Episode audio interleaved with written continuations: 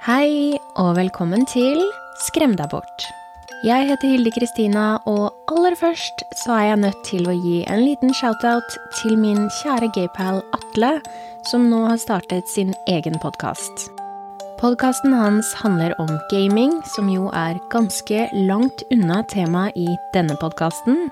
Men er du gaminginteressert, så sjekk ut hans podkast som heter Gaming med Gaypal.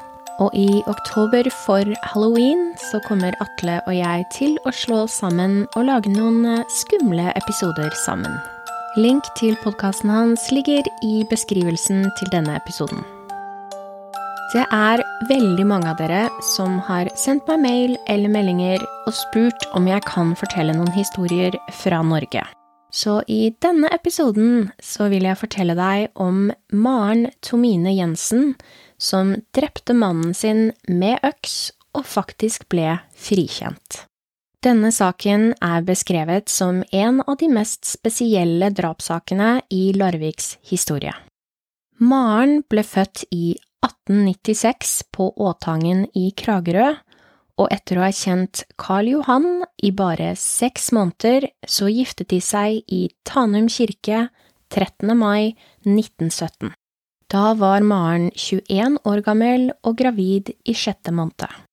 Carl Johan Jensen ble født i 1893 på Torstrand, og jeg innser nå at det kanskje er Torstrand, jeg beklager om jeg uttaler det feil. Da Karl Johan var liten, så kom han til en gårdsbruker i Kjose, der han ble helt til konfirmasjonsalder. Han jobbet på flere ulike gårder før han begynte å jobbe som steinarbeider i steinbruddet til Johs Nilsen i Tveidalen. Karl Johan pendlet på jobb hver eneste uke. Han dro ut mandag morgen og kom ikke hjem igjen før på lørdag. Han hadde aldri en eneste sykedag, og han rørte aldri alkohol på jobb, men hjemme bak husets fire vegger var han en helt annen.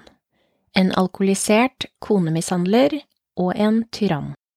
Maren og Karl Johan bodde på et lite småbruk med en ku, en kalv, 15 høner, to griser og noen kaniner på Bommestad i Larvik. Sammen fikk de fem barn, tre døtre og to sønner. De mindre koselige sidene ved Karl Johan viste seg allerede dagen da han og Maren giftet seg. Da beskyldte han Maren for utroskap, og han skal ha slått henne. Ekteskapet deres ble allikevel beskrevet som ok de første par årene. Hvor bra det faktisk var, får vi nok aldri svar på, men han skal ikke ha vært voldelig de første to årene de tilbrakte sammen. Isteden så viste han religiøse tendenser. Dette varte riktignok ikke lenge. I 1918, rundt juletider, så stilte han Maren opp mot en vegg, siktet på henne med en revolver og fyrte av. Anton, som var onkelen til Carl, er til stede, og til han sier Carl, det er ikke synd å skyte det kjerringsvinet. Karl Johan er heldigvis ikke spesielt flink til å skyte, så han bommer. Deretter slår han Maren med en vedkubbe og heller en bøtte vann over henne. Bare to dager før dette så hadde Maren abortert. Og det finnes flere andre eksempler på hvor grusom Karl Johan faktisk var. På et tidspunkt så gjør han Maren oppmerksom på blod på kjøkkengulvet, og han sier, Nå har jeg drept alle ungene og kastet likene i lågen. Maren løper ned til Lågen, som er en elv, i full panikk, mens Karl Johan ler av sin egen spøk. Barna lå trygt og sov, og blodet på kjøkkengulvet var ikke blod, men ripssaft. Han fant på historier som dette ved flere andre anledninger, blant annet fortalte han Maren at han hadde drept et av barna deres etter at han hadde hogd hodet av en høne som etterlot blodflekker på bakken. Senere, mens Maren er gravid, kaster han henne ned i kjelleren, lukker kjellerlemmen og tramper på lemmen.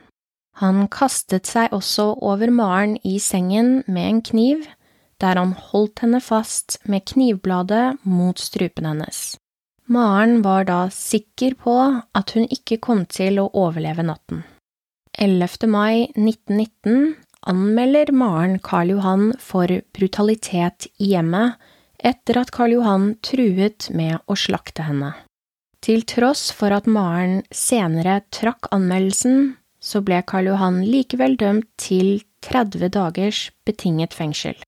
Maren forsøkte å få hjelp både fra lensmann og prest, men dette helt uten resultat.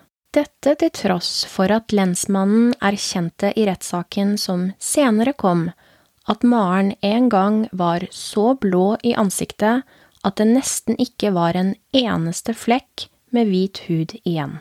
Til tross for at Maren flere ganger ble observert med merker etter kvelning rundt halsen.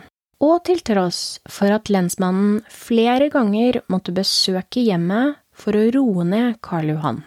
Senest i september 1919 fløy Karl Johan etter Maren med kniv, der hun nesten kastet seg i elven for å slippe unna.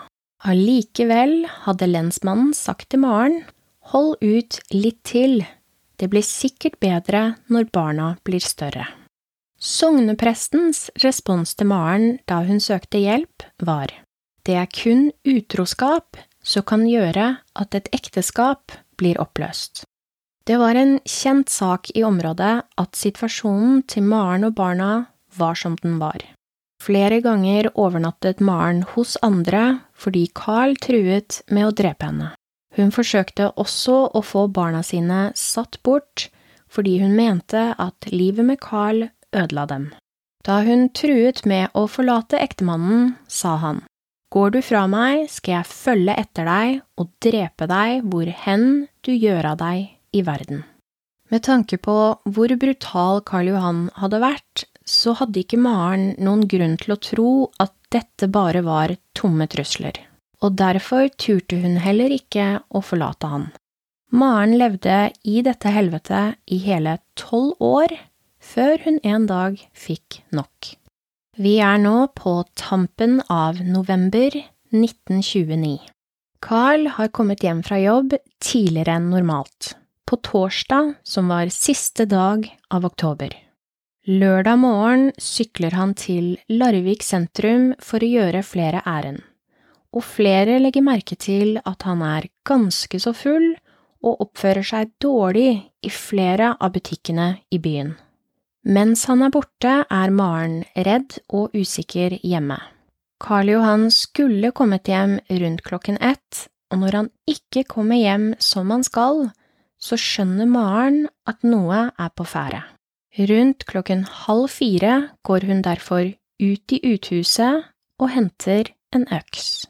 Hun stiller øksen mellom to senger ved den ene langveggen på soverommet deres, og dette er tredje gang hun gjør dette, i frykt for hva mannen hennes kan finne på.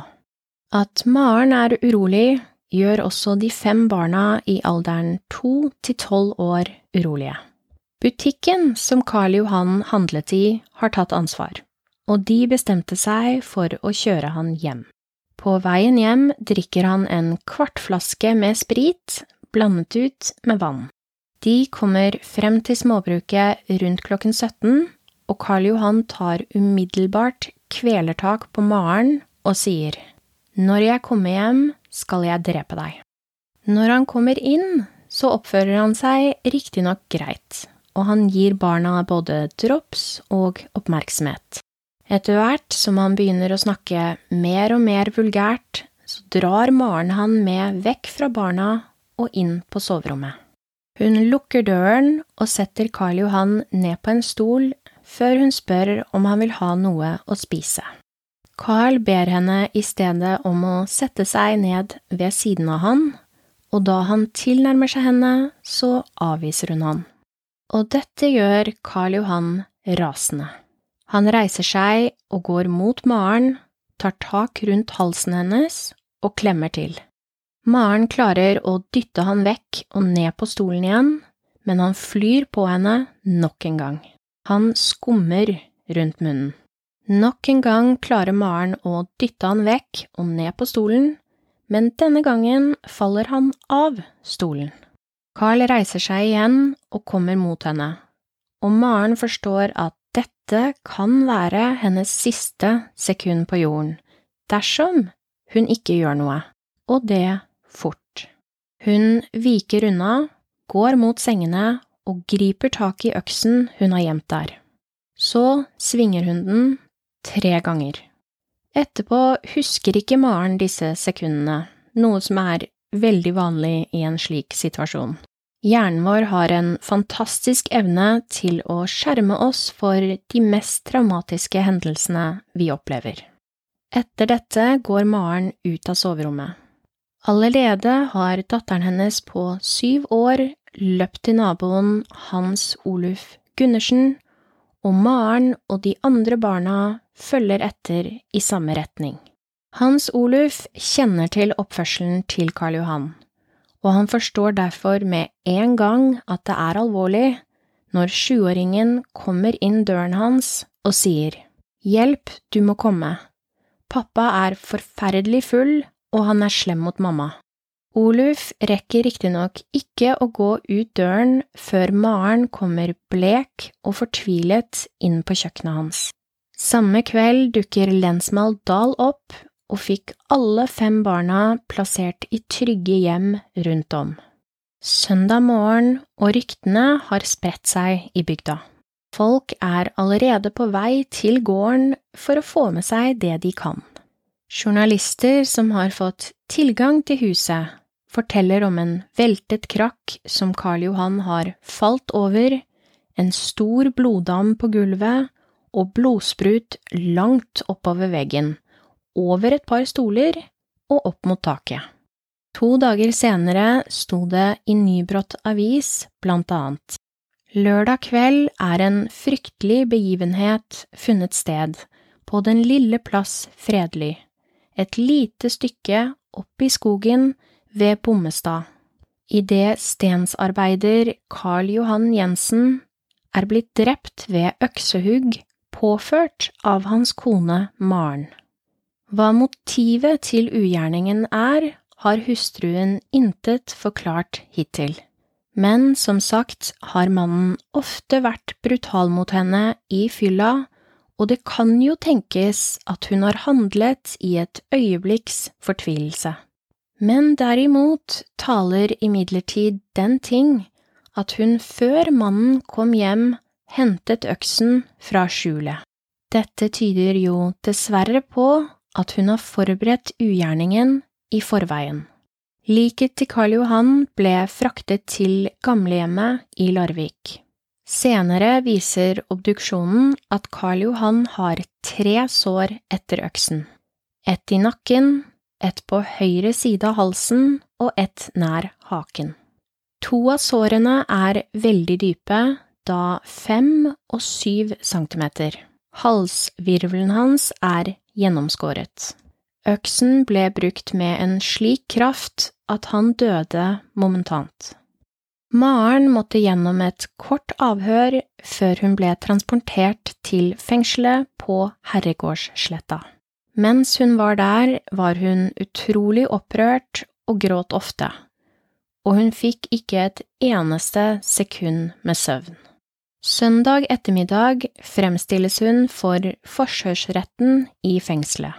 Dette rettsmøtet varer i tre timer, og til tross for at Maren gråter ofte og mye, så er hun tydelig i forklaringen sin og sier at hun handlet i nødverge.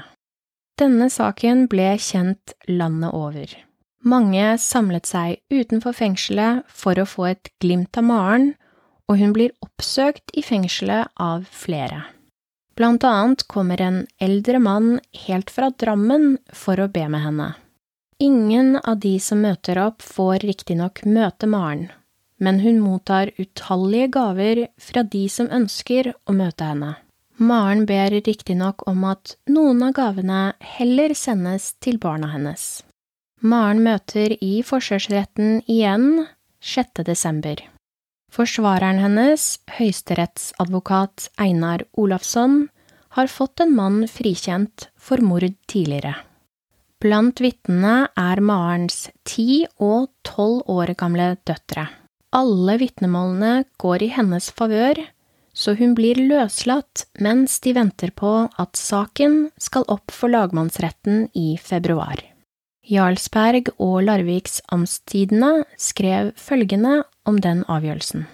Sorenskriver fullmektig Egil Fiane viste ved denne avgjørelsen at han ikke bare er en ung, lovende jurist, men også et hjertevarmt menneske med full forståelse for at man ikke skal fare unødvendig hardt frem mot et menneske hvis halve levetid har vært en vandring på terskelen inn til døden og som nok hver eneste dag har blitt straffet nok for den ugjerning hun i ett øyeblikks dødsangst og desperasjon kom til å utføre.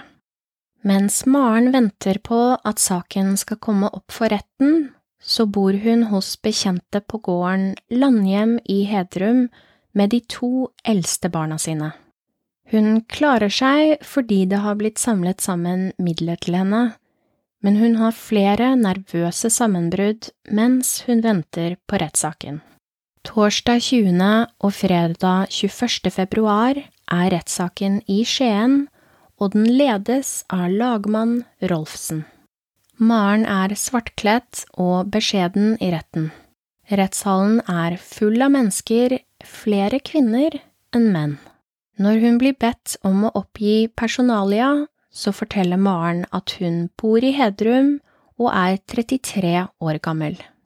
Forsvareren hennes legger ned påstand om frifinnelse, og da lagmannen spør henne om hun erklærer seg skyldig, svarer hun med skjelvende stemme. Nei, jeg erkjenner meg ikke skyldig.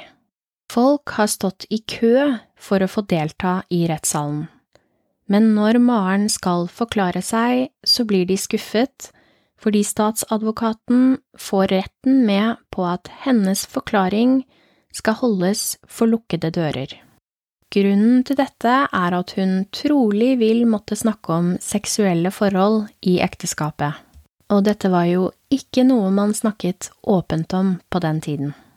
Etter at rettssalen tømmes for mennesker, forteller distriktslege Godske om Carl og hans seksuelle fortid i ekteskapet med Maren. Deretter fortelles det om et uhyggelig og brutalt forhold dem imellom. Da Maren blir bedt om å forklare seg om drapsdagen, så begynner hun å gråte høyt, og hun gjentar det hun har sagt tidligere.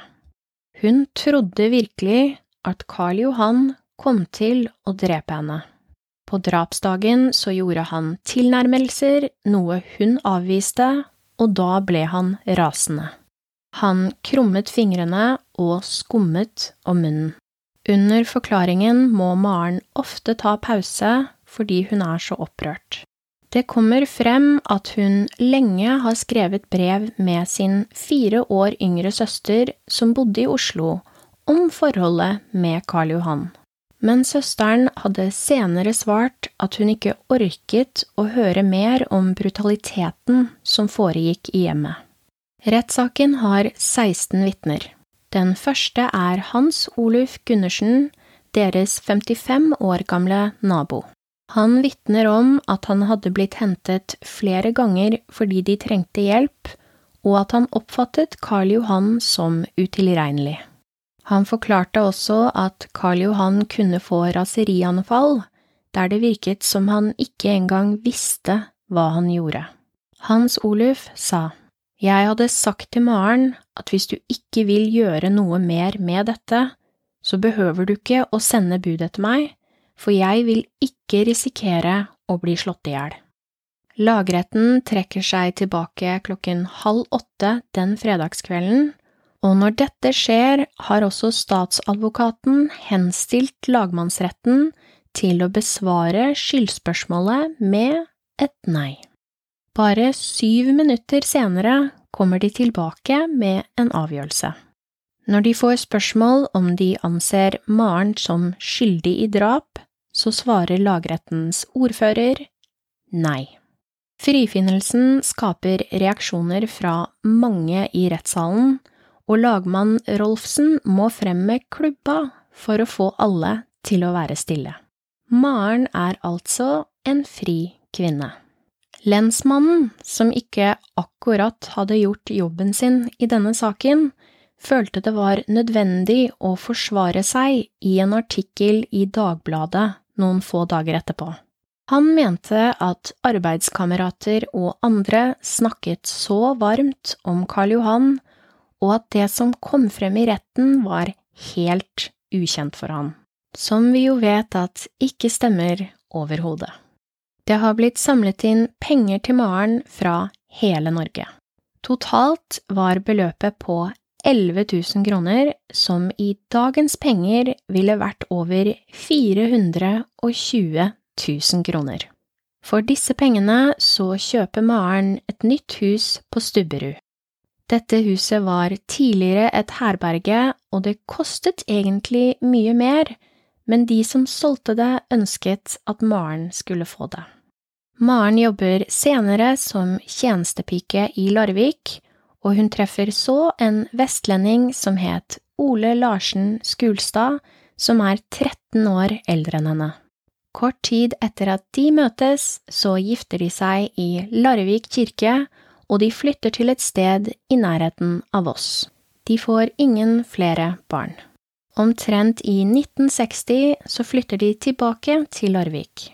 Mannen hennes døde i 1976, og Maren dør fire år senere. Hun blir altså 84 år gammel.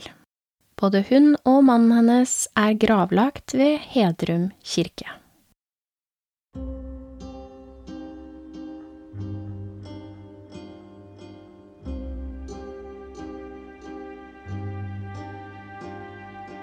Takk for at du hørte på denne episoden av Skrem deg bort. Akkurat denne historien synes jeg personlig er veldig interessant, mye fordi jeg tenker at dette nok ikke ville skjedd den dag i dag. Det å bli funnet frikjent i en sak der man kan vise til hensikt, altså at det kanskje var planlagt på forhånd, det er relativt sjelden. Når det er sagt, så mener jeg ikke at dommen var feil. Absolutt ikke. Men jeg synes det er veldig interessant å tenke på hva som ville skjedd om denne hendelsen skjedde i dag, bare 100 år senere. Som alltid, om du har et ønske, om det er et tema eller en historie du vil jeg skal ta for meg på denne podkasten, så send meg mail på skremdabort at gmail.com. Jeg håper dere får en kjempefin helg. God natt eller god morgen. Vi snakkes snart.